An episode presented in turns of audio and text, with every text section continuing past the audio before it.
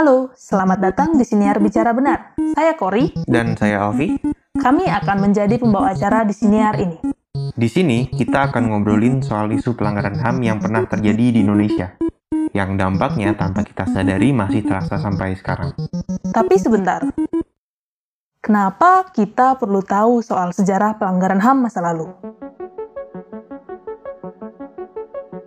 Ada suatu masa di mana bangsa kita mengentengkan harga kemanusiaan dalam sejarahnya. Kebenaran dari peristiwa-peristiwa ini hanya sedikit yang beredar, bahkan disembunyikan dan dilarang untuk dibicarakan, sehingga kita tidak tahu apa yang sebenarnya terjadi. Banyak korban dan keluarga korban masih hidup dalam ketakutan karena diancam dan diteror.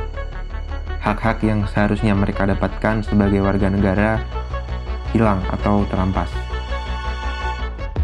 Kisah-kisah mereka banyak yang belum terungkap karena sudah lama terjadi, sehingga pengungkapannya pun dianggap tidak terlalu penting lagi. Padahal, masih banyak di antara korban dan keluarganya yang hilang diculik dan tak pernah kembali. Ada yang rumahnya dibakar dan terpaksa hidup berpindah-pindah. Atau sakit secara mental dan fisik tanpa mendapatkan perawatan yang layak. Dan sampai sekarang, korban dan keluarga korban masih belum berhenti berharap akan adanya perubahan. Ketika mendengar kata bangsa atau negara, apa yang teman-teman pikirkan? Wilayahkah, kabinet, atau bendera, atau yang lain? Semua yang teman-teman pikirkan benar semua.